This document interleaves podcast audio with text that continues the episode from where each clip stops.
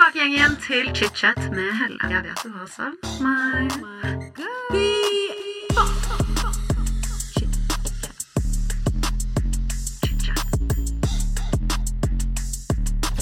Ok, Benjamin, vi bare fortsetter rett inn i del to. Ja. Og til deg som lytter, eh, hvis ikke du har lyttet til del én, så vil jeg anbefale deg å gjøre det først. Ja, det er den forrige. Den er litt lenger ned her. Ja, må høre på den eh, tunge, mørke tida før det blir hyggelig. Det er viktig.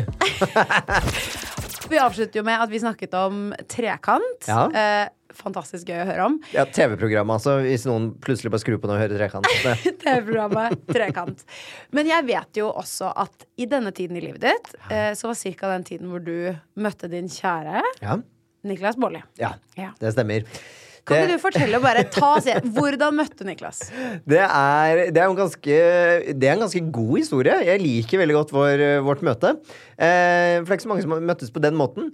Fordi da, Når man lager TV-program, og sånt så er man veldig ofte på promorunder eh, rundt omkring for å snakke om det du skal gjøre. Eh, dette var jo en tid liksom før sosiale medier hadde tatt eh, helt av. Så vi var jo rundt på alle de store mediehusene. Alle eh, NRK sine radioprogrammer. Eh, og eh, i et av disse radioprogrammene eh, så jobbet jo Niklas som programleder. For han jobbet jo i P3 da.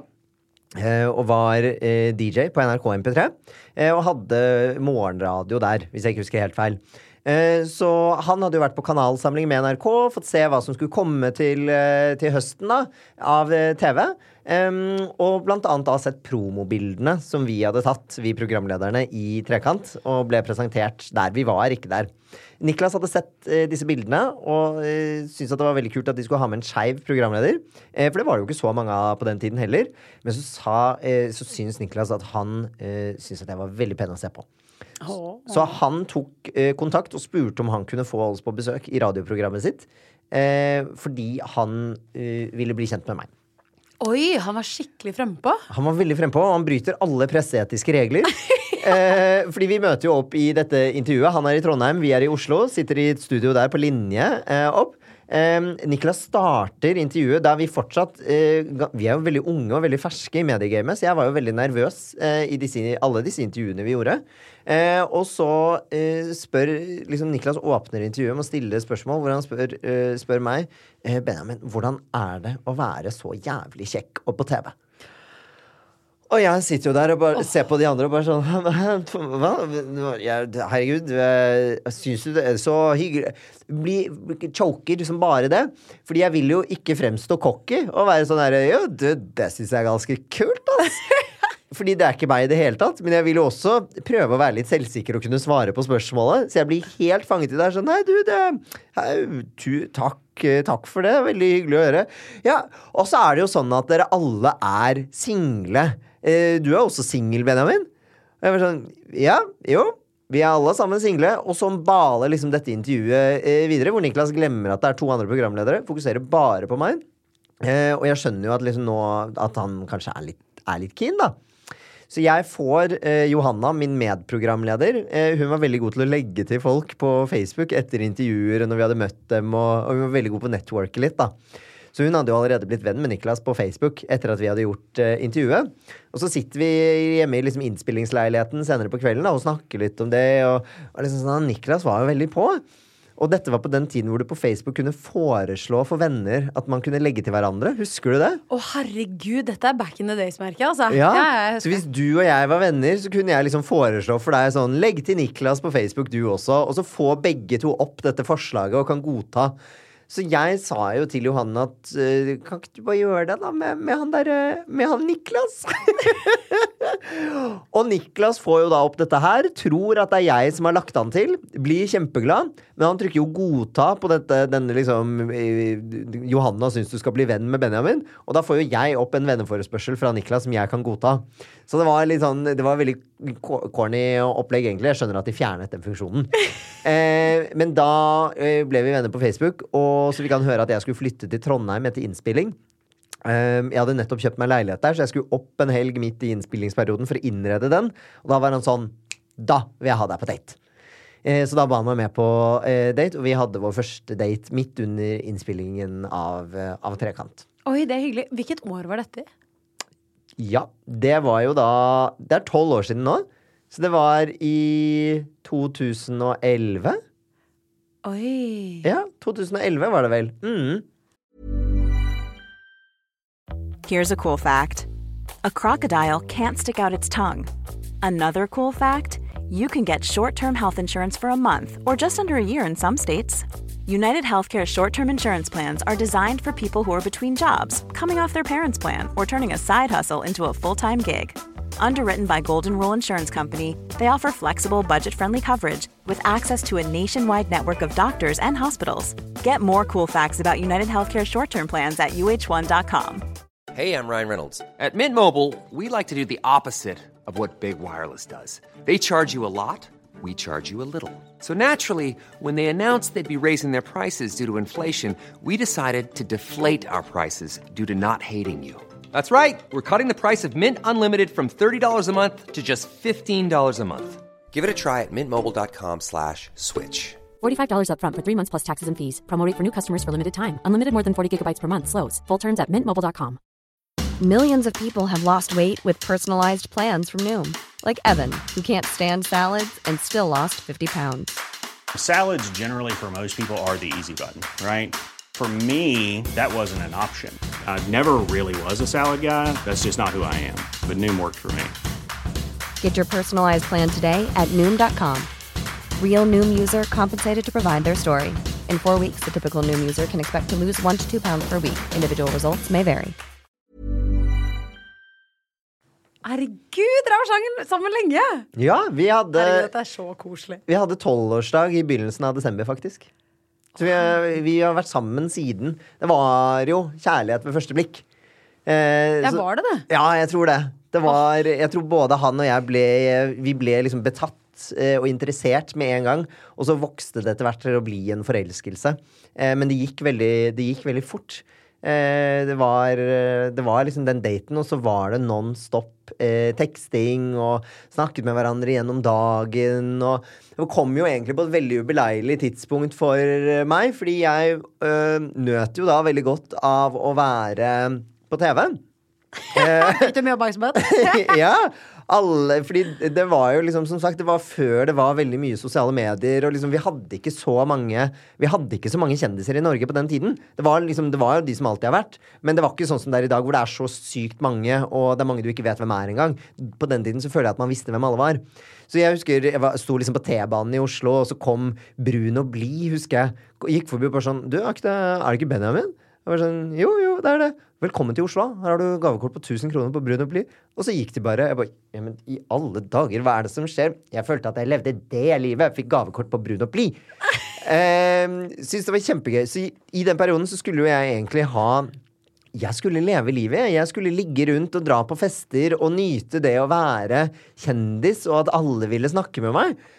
Jeg fikk jo faen ikke tid til det, fordi jeg ble nesten sammen med Niklas med en gang. Oh, ja. Jeg kastet bort hele den der fame- fame-trippen som jeg hadde i begynnelsen av 20-årene, hvor man fortsatt er ung og dum og bare lever og vil kose seg. Så var jeg bare sånn Nei, faen, da har jeg begynt å date noen, da. Ja, så fant du mannen i ditt liv, da. Så fant jeg mannen. Jeg angrer jo ikke på det i dag. Nei. Men jeg husker på den tiden så var jeg litt sånn ah, kunne, kunne han ikke bare ventet liksom tre måneder, da? Ja. Tre måneder! Bare, li, bare for litt slutty først. Ja. Bitte litt. Og det var, så, det var så rart, fordi vi, eh, vi måtte være litt påpasselige på å ikke bli sett for mye sammen. Fordi et av, liksom, eh, et av konseptene med at vi spilte inn Trekant, det var at vi skulle være single, utforskende og nysgjerrig ungdom. Eller unge voksne, da. Eh, Vi skulle jo ikke ha kjærester, for det ville jo ødelegge litt av konseptet. Og Hvis jeg hadde kjæreste og skulle drive og kline med noen, eh, som vi gjorde i TV-programmet, så kunne det blitt rart. Eller det kunne, jeg kunne blitt hemmet av at jeg hadde kjæreste. Liksom. Ja, sånn. selvfølgelig. Jeg skjønner jo det. Så vi hadde, vi hadde avtale med NRK om at vi ikke hadde lov til å få oss kjæreste før etter innspillingen var ferdig, og liksom til programmet skulle gå på TV omtrent. Så det var jo et halvt år der hvor jeg hadde eller kjæresteforbud, heter det vel. Sånn egentlig. Så vi var liksom påpasselige med hvor vi ble sett sammen og, eh, og sånne ting. Kunne ikke dra på så mange premierefester sammen. Det var liksom mye, mye sånt. Fordi, eh, fordi jeg måtte fremstå singel. Herregud, Så det var litt kontraktsbrudd inne der, egentlig, nesten. Ja, det var jo egentlig Nei, det. living on the edge. Ja, og ryktene går jo innad i mediehus, og det var jo mange i NRK som hadde begynt å høre det. Så jeg ble jo også kontaktet av sjefen min i NRK da, som var sånn Du, bør høre liksom Niklas, hva, hva er greia med dere, dere to? Og liksom, vær litt forsiktig med det nå. Jeg bare ja, ja, ja, ja. Og så husker jeg at en en kveld i november, sent i november en gang, så fikk jeg en SMS fra sjefen min hvor det sto Du, øh, nå vet jeg ikke om du og Niklas fortsatt er en greie, men jeg ville bare si fra at hvis det, er, hvis det er sånn at du nå holder på å få deg kjæreste, eller er i den, i den fasen, så, så er det greit nå. nå. Nå kan du få kjæreste. Ok. Så da var jeg sånn, å ja, ok, jøss, takk. Um, og så var Niklas og jeg på um, jule, en julefest med NRK. Hvor det var eh, sang og dans, og man drakk litt og koste seg og sånt. Så husker jeg at jeg sto, eh, sto og pratet med en som eh, flørtet. Eh, flørtet litt med meg. Og så begynte vi å danse litt og tulle litt og hadde det bare, bare hyggelig, liksom. Men det var åpenbart litt flørting. Og så så Niklas dette. Og da ble Niklas så irritert at han eh, gikk bort til en vakt og sa ifra om at eh, han fyren der borte, han er litt overstadig bruset og oppfører seg ikke så pent. Og da sånn, ja, skal se på det. Og han ble jo kastet ut. For man, man, var ganske full. Men når de får en klage på noen, så blir man sendt ut. Ja. Eh, så da ble han kastet ut, og da måtte jeg ta en prat med Niklas. Bare sånn, "Hva- er det som skjer nå? For jeg så, jeg så at du gikk til vakten, jeg så at vakten kom hit, og jeg så at han ble kastet ut. Hva i alle dager er det som skjer? Og han bare jeg må bare si at jeg, jeg, jeg ble litt ukomfortabel av at dere hadde, hadde det så gøy sammen. Og så vet ikke jeg helt hva, hva vi er nå. Det er jo klart at vi er sammen! Vi er jo kjærester! Det var jo, det var jo bare en hyggelig flørt og litt dansing og tull. Det var jo ikke noe mer enn det. Men da ville ikke Niklas bli sammen med meg, da, for han syntes at det var på liksom feil premisser. Oh, ja. Ja, Det skulle ikke skje sånn. Oh, nei. Nei, Så da måtte vi spare det til dagen etter. For dette var 2. desember. Søn, eh, nei, søndag 3. desember. Da ble vi sammen. Åh, Da var det greit. herregud. Men så søte dere, altså. Jeg dauer. Men jeg må jo da bare spørre, er det en spesiell ting ved Niklas som du falt skikkelig for? Oh, det er godt eh, Det er et godt spørsmål. Det var jo Altså, Niklas var jo veldig ulik noen jeg har møtt før. Eh, ofte så eh, Jeg gikk dessverre litt i fella av å ofte date eller holde på med eh, gutter som kanskje var litt i skapet, eller ikke var helt åpne ennå. Eh, sånn at og det var jo veldig kjipt, fordi vi måtte liksom Vi kunne bare være hjemme hos han eller hos meg, og liksom foreldrene hans visste ikke ting. Det var liksom veldig mye sånt ofte. Så det å møte en som bare var åpent eh, homo, en som var liksom helt trygg på seg selv, for det har Niklas alltid vært. Han har vært ekstremt trygg på seg selv. Og den selvsikkerheten, den fant jeg veldig tiltrekkende. Han er jo en som alltid liksom er 100% seg selv. Eh, alle som kjenner Niklas, som møter Niklas, vet nøyaktig hvem han er, og hva de får. Og de får det hver gang. Og det syns jeg er eh, så befriende og så fint. Um, og han er, han er veldig morsom. Han tar mye plass. Av og til litt mye plass, men det er også liksom det som er sjarmerende ved han. Og det er liksom Det er så mye. Så jeg Det er nok eh, på en måte den tryggheten i seg selv og den godheten og snillheten som han har i seg, som gjorde at jeg falt veldig for han. Det skjønner jeg. Eh, og han går all in når han vil noe, enten det er på jobb eller i relasjoner og sånt. Og han, jeg følte veldig at han gikk all in eh, med meg, da. Satset veldig på liksom, meg og forholdet vårt, og det var så Jeg ble helt sånn Ah, shit, er dette Jeg tror det er første gang jeg tenkte sånn Er dette kjærlighet? Er det sånn det føles ut? Og så, og så var det jo det, da. Har vi, jo, vi har jo giftet oss alt, men liksom nå, det, det, det var jo det. Så han eh, Jeg vet ikke. Ble, liksom eh, fanget av en liten stormvind der, eller, eller hva man sier? Men jeg skjønner jo det, da, herregud. Og når man får så mye positiv oppmerksomhet fra en menneske, blir man jo helt sånn Å, herregud, syns du jeg er så fin? Ja. Ah! Og så er jo litt sånn som du sier, at Niklas er jo øh, fremstår ekstremt selvsikker. Og jeg må bare si, selvtillit er så hot. Ja, den mannen har nok, altså. Det. så vi begge tenkte bare akkurat det samme. Men det er noe ved det der med en person som kommer inn, inn i et rom og er bare sånn Ja. Jeg kjenner ingen, jeg, men det går fint. Jeg får meg sikkert noen venner. Ja. Så Ja. jeg sitter og snakker høl i huet på en eller annen person jeg aldri har møtt før. Det er bare drithyggelig. Men da må jeg også bare følge Når jeg kommer med et oppfølgingsspørsmål som er Ja. sånn Hva er det mest irriterende du vet om med Niklas? Å, det er masse. Han irriterer Altså, Niklas er jo den personen som irriterer meg mest i hele verden, tror jeg. Og det er jo kanskje litt fordi vi er så mye sammen, da. Eh, men eh, altså, han Det som irriterer meg mest ved Niklas, det er at han ikke kan holde fokus. det, eh, altså, han har ikke sjans. Det er så mange tanker i det, eh, i det hodet hans. Nå har jo Niklas fått en ADHD-diagnose. Eh, endelig. Det har jeg mast om i hvert fall ti år. Eh, at han bør utredes for, bare for å undersøke. Nå har han gjort det, fått diagnosen, så veldig mye, liksom, veldig mye falt på plass, da. Men uavhengig av det, så det er bare, Han er så lett å distrahere. Han, det er så vanskelig for han å holde fokus. Vi var i eh, Japan i fjor sommer. Um, og der er det veldig mange inntrykk å ta inn over seg. Det å gå med Niklas der og prøve å føre en samtale samtidig, det var helt umulig. For Oi. blikket hans var overalt, tankene hans var overalt. Det var så mye å få med seg. Han fikk ikke med seg noe av det jeg eh, sa eller gjorde, eller noe som helst. Helt sikker på at han kunne gått der alene i en halvtime uten å merke at jeg var borte. Eh, så det er nok det som fortsatt irriterer meg mest. Eh, fordi jeg gjentar ganske mye. Eh, fordi han ikke får det med seg. Ja, jeg, jeg ser for meg det. Sykt at han egentlig klarer å være sånn megaprogramleder og host. Liksom, der er han superstell. Men sånn ellers i livet er sånn Å! Blinkende skilt. Ja, ja, ja. altså bare ding! Jo, ja, men jeg tror det er det som også gjør han til en veldig god eh, eh, programleder, i hvert fall på radio. Fordi det er aldri stille. Det skjer ting hele tiden. Han har alltid et eller annet å komme med, og det er en eller annen sprø tanke eller et eller annet som liksom han pøser ut. Og folk syns jo det er veldig underholdende på radio, i podkast og på TV og sånne ting. Ikke alltid på TV, for han kan jo bli litt mye der også. Um, men for meg som lever med det hele tiden, uh, så kan det innimellom, det må jeg si rett ut, så kan det bli litt slitsomt. Og så tror jeg det er vanskelig for de rundt oss å skjønne det. For det er sånn, herregud, det må være så gøy for deg, Benjamin, å være, være hjemme, liksom. Det er jo aldri stille, det skjer noe hele tiden. Så jeg er sånn, men har ikke du noen ganger ganger du er hjemme hvor du bare vil at alt skal være stille? Og det skal være helt rolig? Jo, jo, selvfølgelig. Ja, for det, det får ikke jeg. Det får jeg aldri. Da må han sove. Da er det stille. Da er det sånn, Å ja, ok, det kan være litt sånn, ja.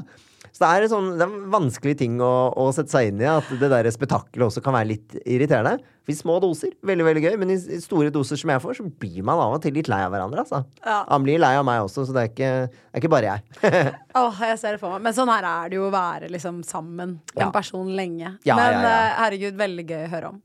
Men eh, dere har jo også en podcast sammen. Mhm. Eh, Bolle og Benjamin går i parterapi, eller terapi. Eh, I terapi. Ja.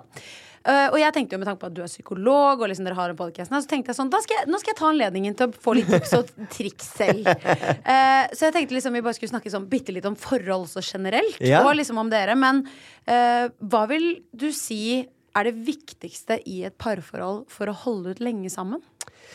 Eh, Det er jo fristende å si det som de aller fleste tenker på, som er kommunikasjon. Eh, Men det er jeg så lei av. Og jeg tror man kan komme ganske langt uten å nødvendigvis kommunisere så mye, så lenge man finner sin måte å kommunisere på. Men jeg tror at de aller, aller fleste vil søke, eller i hvert fall ha en eller annen form for trygghet eller tillit, eller hva man velger å kalle det, som en av liksom grunnpilarene. Og det handler om at ikke liksom For noen så er det jo veldig viktig det å vite at man kan alltid liksom stole på hverandre og alltid snakke sant og alltid vite alt osv. Og, og så tror jeg ikke liksom nødvendigvis det stemmer for alle par, men jeg tror det er viktig å vite at du har, har noen som fanger deg når livet ditt blir kjipt, eller når livet ditt blir vanskelig og du trenger litt ekstra støtte.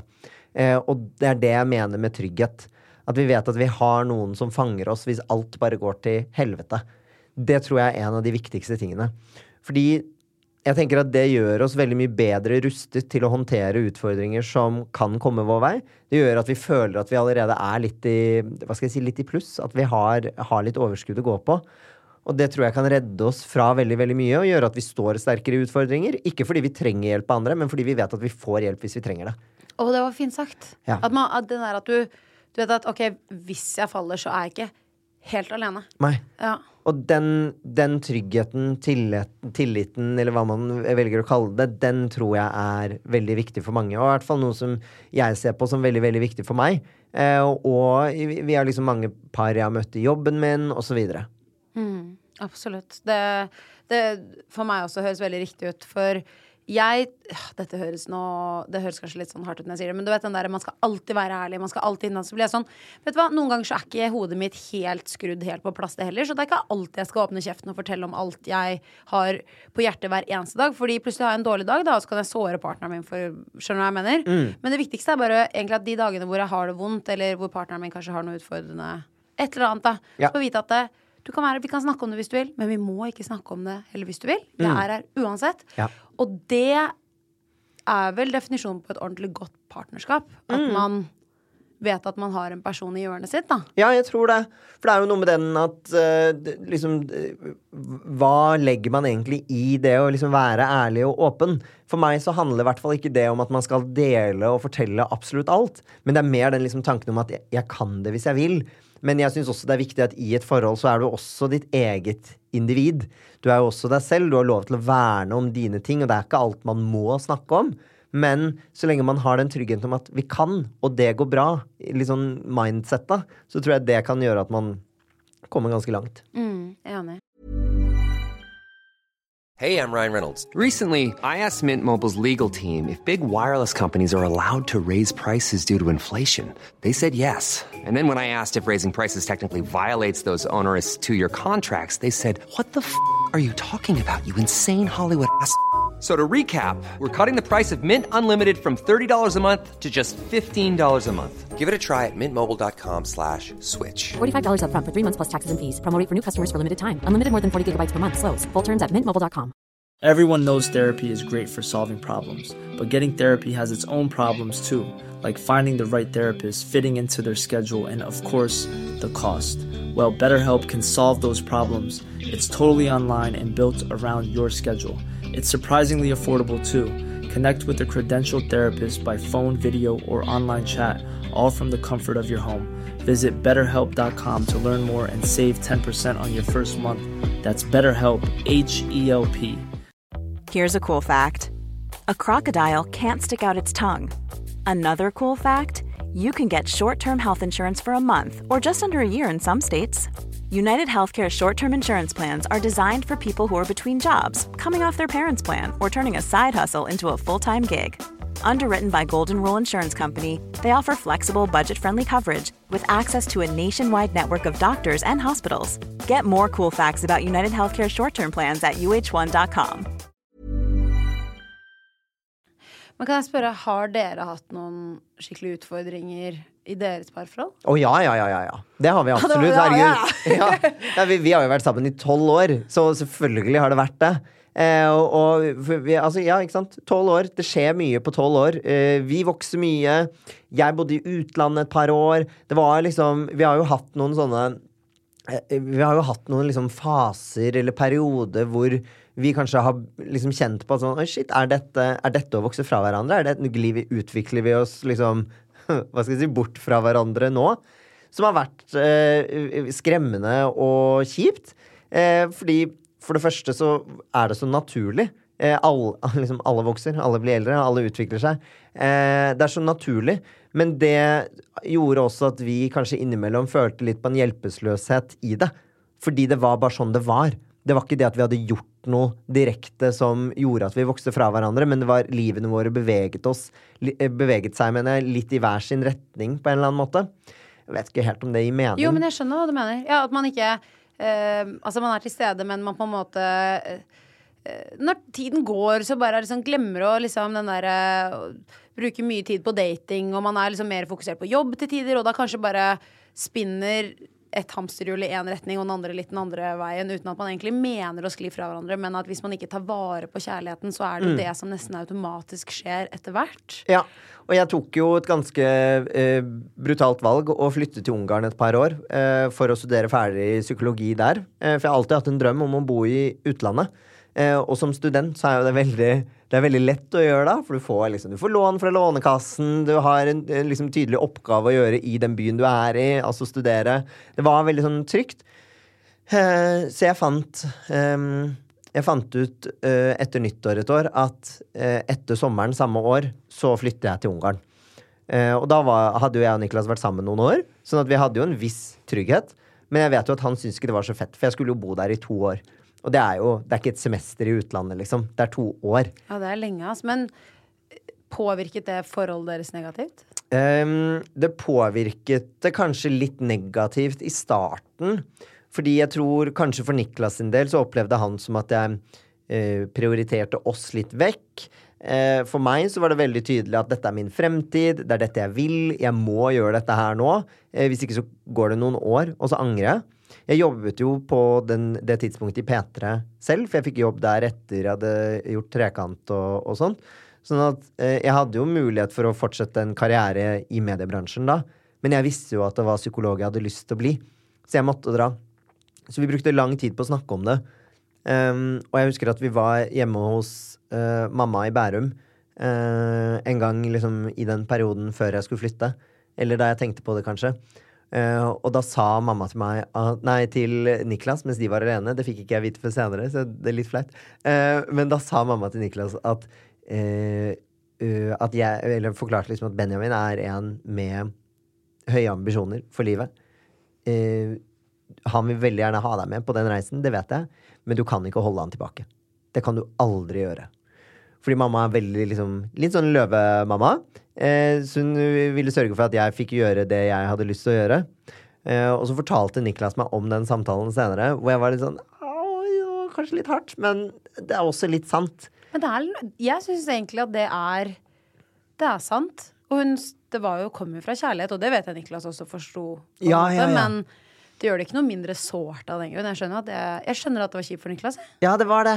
Eh, men jeg, jeg er jo helt enig i det. Jeg ville jo heller aldri holdt igjen Niklas hvis han fikk en stor mulighet i utlandet i dag, da. Eh, så ville jeg aldri sagt sånn Nei, du skal være hjemme med meg. Det, det, det, herregud, det gir jo ikke et godt grunnlag for forholdet. Men øh, Og så endte det jo opp med at jeg øh, flyttet, og det var jo veldig vanskelig i starten. Niklas jeg er veldig glad i å være, være sammen. Bruke liksom mye fritid sammen og sånne ting. Plutselig så hadde vi jo ikke det. Eh, Jeg var i et annet land, møtte masse nye mennesker, var veldig mye ute med dem og ble kjent med dem, og liksom startet jo litt et nytt liv der. Mens Niklas var liksom hjemme i vår leilighet, i jobben sin som han hadde fra før. Som han elsket og alt det der, men det var liksom Livet hans gikk jo videre i det samme, bare uten meg. Mens jeg opplevde jo noe helt nytt, så jeg tror vi hadde en veldig forskjellig hverdag der. Og det var vanskelig for oss. Det slet vi, slet vi litt med. Var det sjalusi det gikk på da? Og usikkerhet? Eller var det bare det at dere følte at dere gled fra hverandre? Jeg tror det var en blanding. Jeg tror Niklas var litt misunnelig på den opplevelsen jeg fikk, og alt det nye jeg eh, fikk oppleve. Um, og jeg var jo veldig liksom, tydelig på at den sjansen skal jeg gripe. Den skal jeg ta. Eh, så vi kjente nok da på at nå eh, og, og før det så hadde vi også hatt litt sånn felles løp med at begge jobbet i mediebransjen. Eh, jeg var også programleder da på radio. Og det var liksom, vi gjorde mye av de samme greiene. Det var veldig sånn tydelig at sånn, dette er vårt liv. Og så plutselig så endret mitt liv seg drastisk for å uh, jakte på noe som jeg har drømt om lenge. Så det var nok en Det var et lite sånn veiskille. Men så Og vi snakket veldig mye om det. Vi hadde også perioder da jeg var i Ungarn hvor vi ikke snakket like mye sammen som før. Som var vanskelig, fordi litt som jeg nevnte i stad, vi er veldig glad i å snakke sammen. Vi, når jeg kommer hjem fra eh, jobb, så har vi omtrent nesten ingenting å snakke sammen eh, om. Fordi vi har snakket sammen fortløpende gjennom hele dagen. Og sånn er vi. Eh, men da, da det liksom var litt stillhet mellom oss, da skjønte jeg at sånn Uff, nå Dette er ikke vanlig for oss. Nå er det ikke så bra. Og vi var jo flinke til å besøke hverandre, og alt det der, men det var utfordrende. Og vi snakket om det, men vi kom alltid frem, alltid liksom frem til at sånn, ja, det er vanskelig nå. Nå hva, hva, vet ikke helt hva vi skal gjøre. Vi Men hvordan fikset dere det? Sånn, jeg føler at det er, sorry at jeg avbryter deg. Nei, Bare, jeg føler dette er så relaterbart for så mange. Mm. Uansett alder, nesten, egentlig også. Men hvordan øh, for Jeg føler er, så, det så Det å gi opp er det letteste. Mm. Altså, det må jeg bare si. Sånn, det å være litt sånn OK, du lever ditt liv der, jeg blir hjemme, jeg flytter ut. Altså whatever. Vi bare Fuck det her. ja. Hvordan klarte dere å jobbe dere gjennom dette? Det, ja, jeg skal, prøve, jeg skal prøve å svare på det. Ja. For jeg, er litt sånn, jeg syns det er litt vanskelig å si selv. Men vi som jeg, litt som jeg sa, så pratet vi jo mye om det, og vi var ganske enige om at nå, det, nå går det ikke så bra. Eh, vi må prøve å liksom finne en løsning på dette. Eh, og så brukte vi mye av tiden der vi var på besøk hos hverandre, til å snakke om det. Men det førte jo også til at noen av de besøkene ble ganske dårlige, da. Fordi vi erklærte liksom Nå er det dårlig stemning. Nå går det ikke så bra i forholdet. Da er det ikke så hyggelig å være sammen. Men så har vi den helgen sammen før jeg skal tilbake til utlandet. Så det var sånn vi må være sammen også. Men det var jo, da var det ofte liksom mye grining og vonde følelser og, og sånt. Og så fortsatte vi Altså, vi sluttet Jeg tror kanskje det var noe av det som hjalp, at vi sluttet aldri å snakke om det. Selv om det var vanskelig, selv om det var vondt, selv om vi aldri kom fram til noe, så fortsatte vi å snakke om det. Vi fortsatte å snakke om at vi har lyst til å finne ut av det. Vi hadde liksom alltid sånn, et felles mål, men vi ante ikke hva planen var. Um, og så prøvde vi å fokusere på de tingene som funket bra for oss. At når vi var sammen, så hadde vi det fortsatt veldig gøy. Vi gjorde nye opplevelser hver gang vi var sammen. Eh, vi prøvde å snakke litt mindre om det som var vondt, og det som var vanskelig. Fordi jeg tror det var en liten felle vi gikk i, egentlig. Vi snakket veldig mye om det. I et liksom forsøk på å løse det. Så var vi sånn Nå, hva? Hva går galt nå? Hvordan skal vi, hva skal vi gjøre med det? La, la, la, la. Så jeg husker vi hadde en periode hvor vi bare la det til siden. Fokuserte bare på å være oss. Snakke om ting som vi, sånn som vi gjorde før. Når vi møttes, så hadde vi nye opplevelser. Vi hadde det bare gøy. Og så brukte vi mindre tid på å snakke om det. Og det eh, tror jeg endret fokuset vårt litt, for at det var, var så dårlig forholdet, til at oi, shit. Vi har jo fortsatt noen av de greiene som gjorde og gjør oss til oss. Vi er fortsatt oss, liksom. Og det var veldig deilig. Ja. Eh, men det er klart at når du bare sitter hjemme i en leilighet i enten Trondheim eller i Budapest og snakker om at forholdet går dårlig, da får du ikke så mye nye impulser heller, da. Nei, det er veldig sant. Men dere snakket jo på en måte, sånn som du sa også, at Uh, dere snakket så mye om det at dere følte at dere ble helt tomme for ord til slutt. Og det er jo sikkert det fine ved det også, at det var sånn OK, når vi begge har fått ventilert alt det kjipe. Så nå er det bare å gjøre det beste ut av det. Ja. liksom det fordi det var ingen som satt inne med noen følelser de ikke føler at de hadde fått fortalt den andre. At eh, hvis Niklas syntes det var kjipt å være hjemme, og du syntes det var vanskelig å være i Budapest når du egentlig skulle ut på en konsert, så hadde du dårlig samvittighet for du ikke fikk ringt Niklas. At, liksom, at man i hvert fall får fortalt om dette syns jeg er dritt. Jeg syns det er vanskelig, men jeg elsker deg fortsatt. Vit det, men jeg syns det er dritt. For da er det litt den der med at eh, jeg, jeg er den personen som ofte kan tenke sånn at ah, vi kommer ikke noe vei med at jeg sier det uansett, så hvorfor skal jeg gidde å ta det opp? Ja. Men så er det jo litt sånn når det er sagt, så er det der ute. Elefanten eksisterer ikke mer, fordi ordene er brukt til å fylle opp rommet i stedet. Ja. Så da kan vi gjøre det beste ut av det. Og det er kanskje noe av det jeg har lært uh, i de senere årene. da At det er bedre faktisk å si det selv om du kanskje ikke kommer noen vei. Og det føler jeg det du sa nå, satte et punktum etter. Ja, måte. det hjalp veldig. Og vi møtte jo hverandre med veldig mye forståelse i det også, fordi vi var jo i samme situasjon. Vi følte begge to på det samme. Vi bare slet med å finne den løsningen. Og så sluttet vi kanskje å fokusere litt på det å finne en løsning hele tiden. Og da ble det etter hvert til en del av løsningen, da. Ja. Herregud, det var rare ord, men, Ja, men det, gir det gir litt mening. Jeg syns det var fint, jeg. Ja, det er bra. Det er bra. Men eh, med tanke på utfordringer i parforhold fra en psykologs standpunkt, hva føler du er de gjentagende fallgruvene folk går i i parforhold? Um, jeg, tror, um, jeg tror noen av de gjentagende fallgruvene som folk uh, går i, er uh, at man Jeg tror man glemmer litt at man er to individer i et parforhold. Eh, jeg tror mange glemmer eh, litt å holde den andres perspektiv. Altså det vi kaller for å egentlig gjøre litt sånn mentalisering, som handler om å prøve å sette seg i den andres sko og forstå og tenke hvorfor den personen gjør som den gjør. Eh, det tror jeg man ofte glemmer. Ting vokser og blir til irritasjon, det blir til store, store utfordringer osv. fordi vi glemmer at man er hvert sitt individ. Det er sjelden man gjør noe Altså, det skjer jo, men det er ikke så ofte man gjør ting som er direkte angrep på den andre. Jeg kan ta et eksempel fra eget liv, og fordi Niklas er jo et rotehue uten like. Jeg er jo veldig glad i å ha det ryddig og rent, og uh, det går jo ikke en dag uten at jeg rydder på noe, fordi jeg, det, jeg må ha det sånn. Mens Niklas roter som bare det. Eh, da blir jo jeg griseirritert. Fordi han vet at jeg blir irritert når det er rotete. Men det er jo ikke et angrep på meg at han roter. Det er bare at han bryr seg ikke. Og det er hans virkelighet. Eh, Men hvis jeg hele tiden skal gå og tenke at det er et angrep på meg, eller nå gjør han det der for å irritere meg, eller faen, kan ikke han ta litt hensyn til meg? Ja, da blir det dårlig stemning, da. Så av og til må jeg ta meg selv i det og minne meg på at Niklas lever i sin virkelighet også.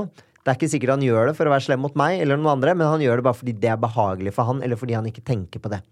Eh, og det tror jeg er en eh, litt sånn blemme folk ofte kan gå på. Det, og det å ikke liksom Ikke snakke om ting tidlig nok. Jeg tror mange velger å utsette og gå med ting for lenge. Eh, og så bør man kanskje ta tak i det enda tidligere. Jeg er jo veldig glad i å snakke om ting eller lufte det så tidlig som mulig, bare for å ha gjort det. Og så man, blir det mye lettere å ta opp igjen senere. Men hvis det vokser og gror for lenge, så er det liksom Plutselig så er det noen som har vært der i ti år, da. Så er det irritert deg siden dag én, eller det har vært et problem i forholdet siden dag én. Eh, da, da, da har det gått for lang tid. Jeg tror det der stemmer så sykt. Også fordi at det liksom, som du sa, det kan Altså problemet kan jo bli større over tid også. Ja. Så hvis det var en bitte liten ting i starten av forholdet Du kunne bare nevnt det i en bisetning da. Sånn du Det at du gjør det og det og det, Ja. syns jeg det, det får meg til å få en litt klump i magen. Ja. Og da kan andre være sånn Oi, shit, det visste jeg ikke engang. Det jo, som oftest gjør man jo ting når man kanskje ikke er klar over at sårer partneren engang. Ja, ja, ja. man, men bare ved å si en setning, så, så kan du unngå ti år med fremtid med Ja. liksom, irritasjon, da. Ja, og tenk hvis det plutselig da handler om eh, liksom, noe som er megaviktig. Sånn, du, når jeg eh, lufter mine tanker og følelser for deg, så føler ikke jeg alltid at du er interessert i å høre på, eller jeg føler ikke at du liksom bekrefter det jeg kommer med. Det, det gjør at jeg føler meg litt avvist, eller at jeg ikke er så viktig. Så har du gått med det i ti år. Da har du også gått glipp av ti år hvor dere kan øve på å bekrefte hverandre, øve på å lytte til hverandre, som er et megatap for forholdet. Så blir jeg eh, ofte, ofte irritert når jeg hører sånt. Og så kjenner jeg meg jo veldig igjen i det også, fordi sant, man får den tanken om at er det egentlig et problem, skal jeg være til bry nå, er det verdt å ta opp alle disse tankene? Men så er jeg litt sånn, hvis du går og tenker på det, hvis du går og kjenner på det, så er det kanskje verdt å ta opp, da. Det er jo deg, du er jo viktig nok til å ta det opp. Veldig sant. Sykt sant. Herregud. Even when we're on a budget, we still deserve nice things. Quince is a place to scoop up stunning high-end goods for 50 to 80% less than similar brands. They have buttery soft cashmere sweaters starting at $50, luxurious Italian leather bags, and so much more. Plus, Quince only works with factories that use safe, ethical, and responsible manufacturing. Get the high-end goods you'll love without the high price tag with Quince. Go to quince.com slash style for free shipping and 365-day returns. Hey, it's Paige DeSorbo from Giggly Squad. High quality fashion without the price tag. Say hello to Quince. I'm snagging high-end essentials like cozy cashmere sweaters, sleek leather jackets, fine jewelry, and so much more. With Quince being 50 to 80% less than similar brands. And they partner with factories that prioritize safe, ethical, and responsible manufacturing. I love that. Luxury quality within reach. Go to quince.com slash style to get free shipping and 365 day returns on your next order. Quince.com slash style. Mom deserves the best, and there's no better place to shop for Mother's Day than Whole Foods Market. They're your destination for unbeatable savings, from premium gifts to show-stopping flowers and irresistible desserts. Start by saving 33% with Prime on all body care and candles. Then get a 15-stem bunch of tulips for just $9.99 each with Prime. Round out Mom's menu with festive rosé, irresistible berry chantilly cake, and more special treats. Come celebrate Mother's Day at Whole Foods Market. Gud. Oh, akkurat det temaet kunne jeg snakket om i tusen år, men det er én ting til jeg har Ja. lyst til å ta opp før vi skal liksom runde av helt. Ja. Og det eh, er jo boken din Stolt. Ja! Ja. Hyggelig! Du, som du nevnte tidligere i del 1, så ga jo du ut en eh, barnebok for, mm -hmm. eh, Altså med fokus på pride, eh, og for hva du kalte skeive kids. Ja, den er jo skrevet med skeive kids i ba bakhodet. Ja. For den handler jo om pride, seksualitet, identitet. Men også liksom kjærlighet, familier, eh, respekt og forståelse for hverandre. Så det er jo temaer som favner Kan jo treffe alle, da. Det er viktig Mm. for alle.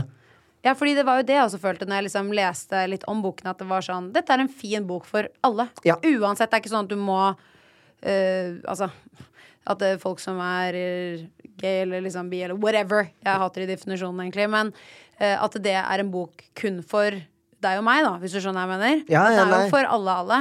Men jeg døde litt av kommentarer på nett. For jeg kom over en artikkel i KK av alle steder Ja. hvor jeg ble så sint. For jeg var sånn Du fikk jo masse negativ respons på boken også når den ble publisert. Ja. Og jeg fant noen av de tingene folk skrev, som jeg syntes var helt sykt. For eksempel en som skrev Jeg skal kjøpe, kjøpe boken og putte den i peisen. Som er bare sånn OK, du er bare helt sjuk ting. Men du kjøper den fortsatt, så jeg får royalties. Ja. Det er greit.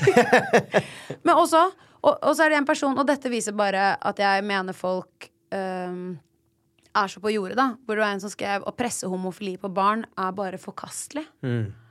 Og det blir så lei meg. Og jeg bare lurer på uh, hvordan Eller hva følte du når du så dette i uh, kjølvannet av Ja. lanseringen? Ja, hva i alle dager uh, føler Altså, eh, jeg tror eh, heldigvis, og dessverre, så eh, er jeg nok blitt ganske sånn hardhudet for akkurat den type hets og kommentarer. Eh, litt som jeg nevnte i del 1, så opplevde jeg jo mye mobbing pga. egen legning da jeg vokste opp. Eh, det har nok også gjort Altså, det var jo veldig sårt og vondt på den tiden, men i voksen alder så har jeg, har jeg nok blitt ganske hardhudet. Tåler veldig mye. Eh, er jo også offentlig person og offentlig skeiv, og velger å bruke min stemme blant annet til å skrive en bok som dette her, fordi det eksisterer idioter som kommenterer sånne ting som det der. Så jeg velger jo litt å ta den støyten. Jeg har liksom på meg rustningen når jeg går ut i det, og er litt bedre eh, sikret enn mange andre. Eh, fordi jeg har valgt å ta den oppgaven. Men det gjør jo vondt. Eh, og grunnen til at det gjør vondt, er fordi at disse kommentarfeltene er på nett og på sosiale medier, hvor flertallet av brukerne er unge mennesker eh, og innimellom barn, selv om det er aldersgrenser.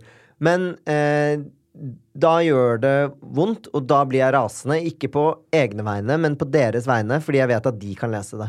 Jeg vet at barn kan lese de kommentarene og tenke at dette, denne personen snakker til meg.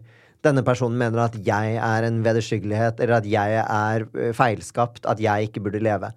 Og da blir jeg Det er da det gjør vondt. Ikke fordi jeg føler at det rammer Jeg er ganske trygg i meg selv den dag i dag og har liksom Jeg har Niklas, jeg har, er veldig trygg i min egen identitet, men for mennesker som ikke er det ennå, um, så er disse kommentarene veldig, veldig skadelige.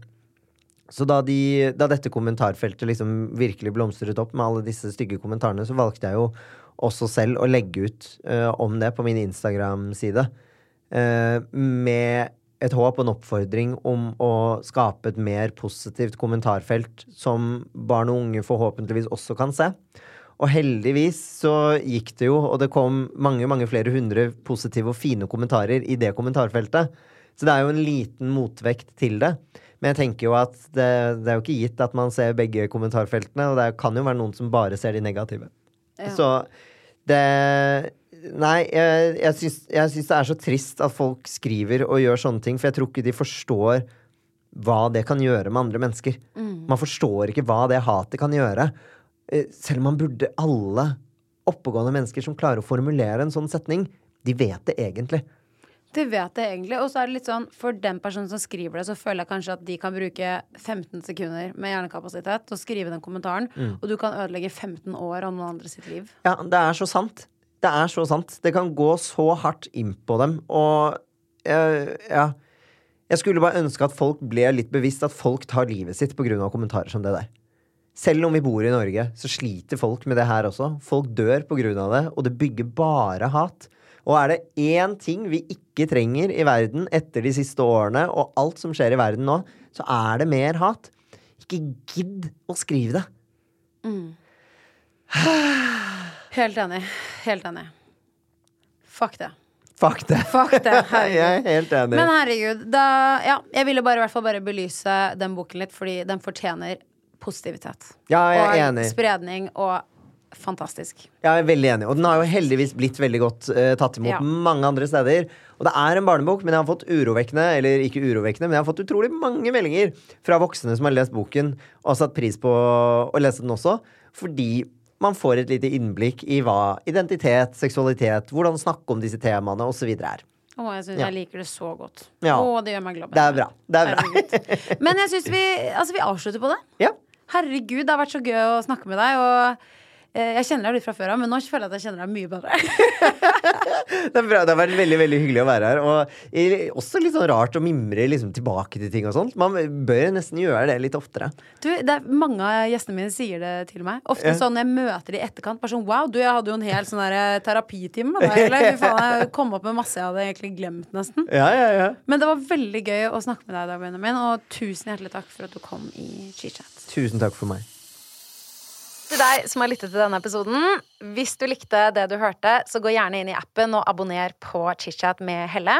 Da får du automatisk opp nye episoder hver eneste torsdag. Og hvis du er ekstra grei, så legger du gjerne igjen en review. Det hadde jeg satt kjempestor pris på. Vi høres!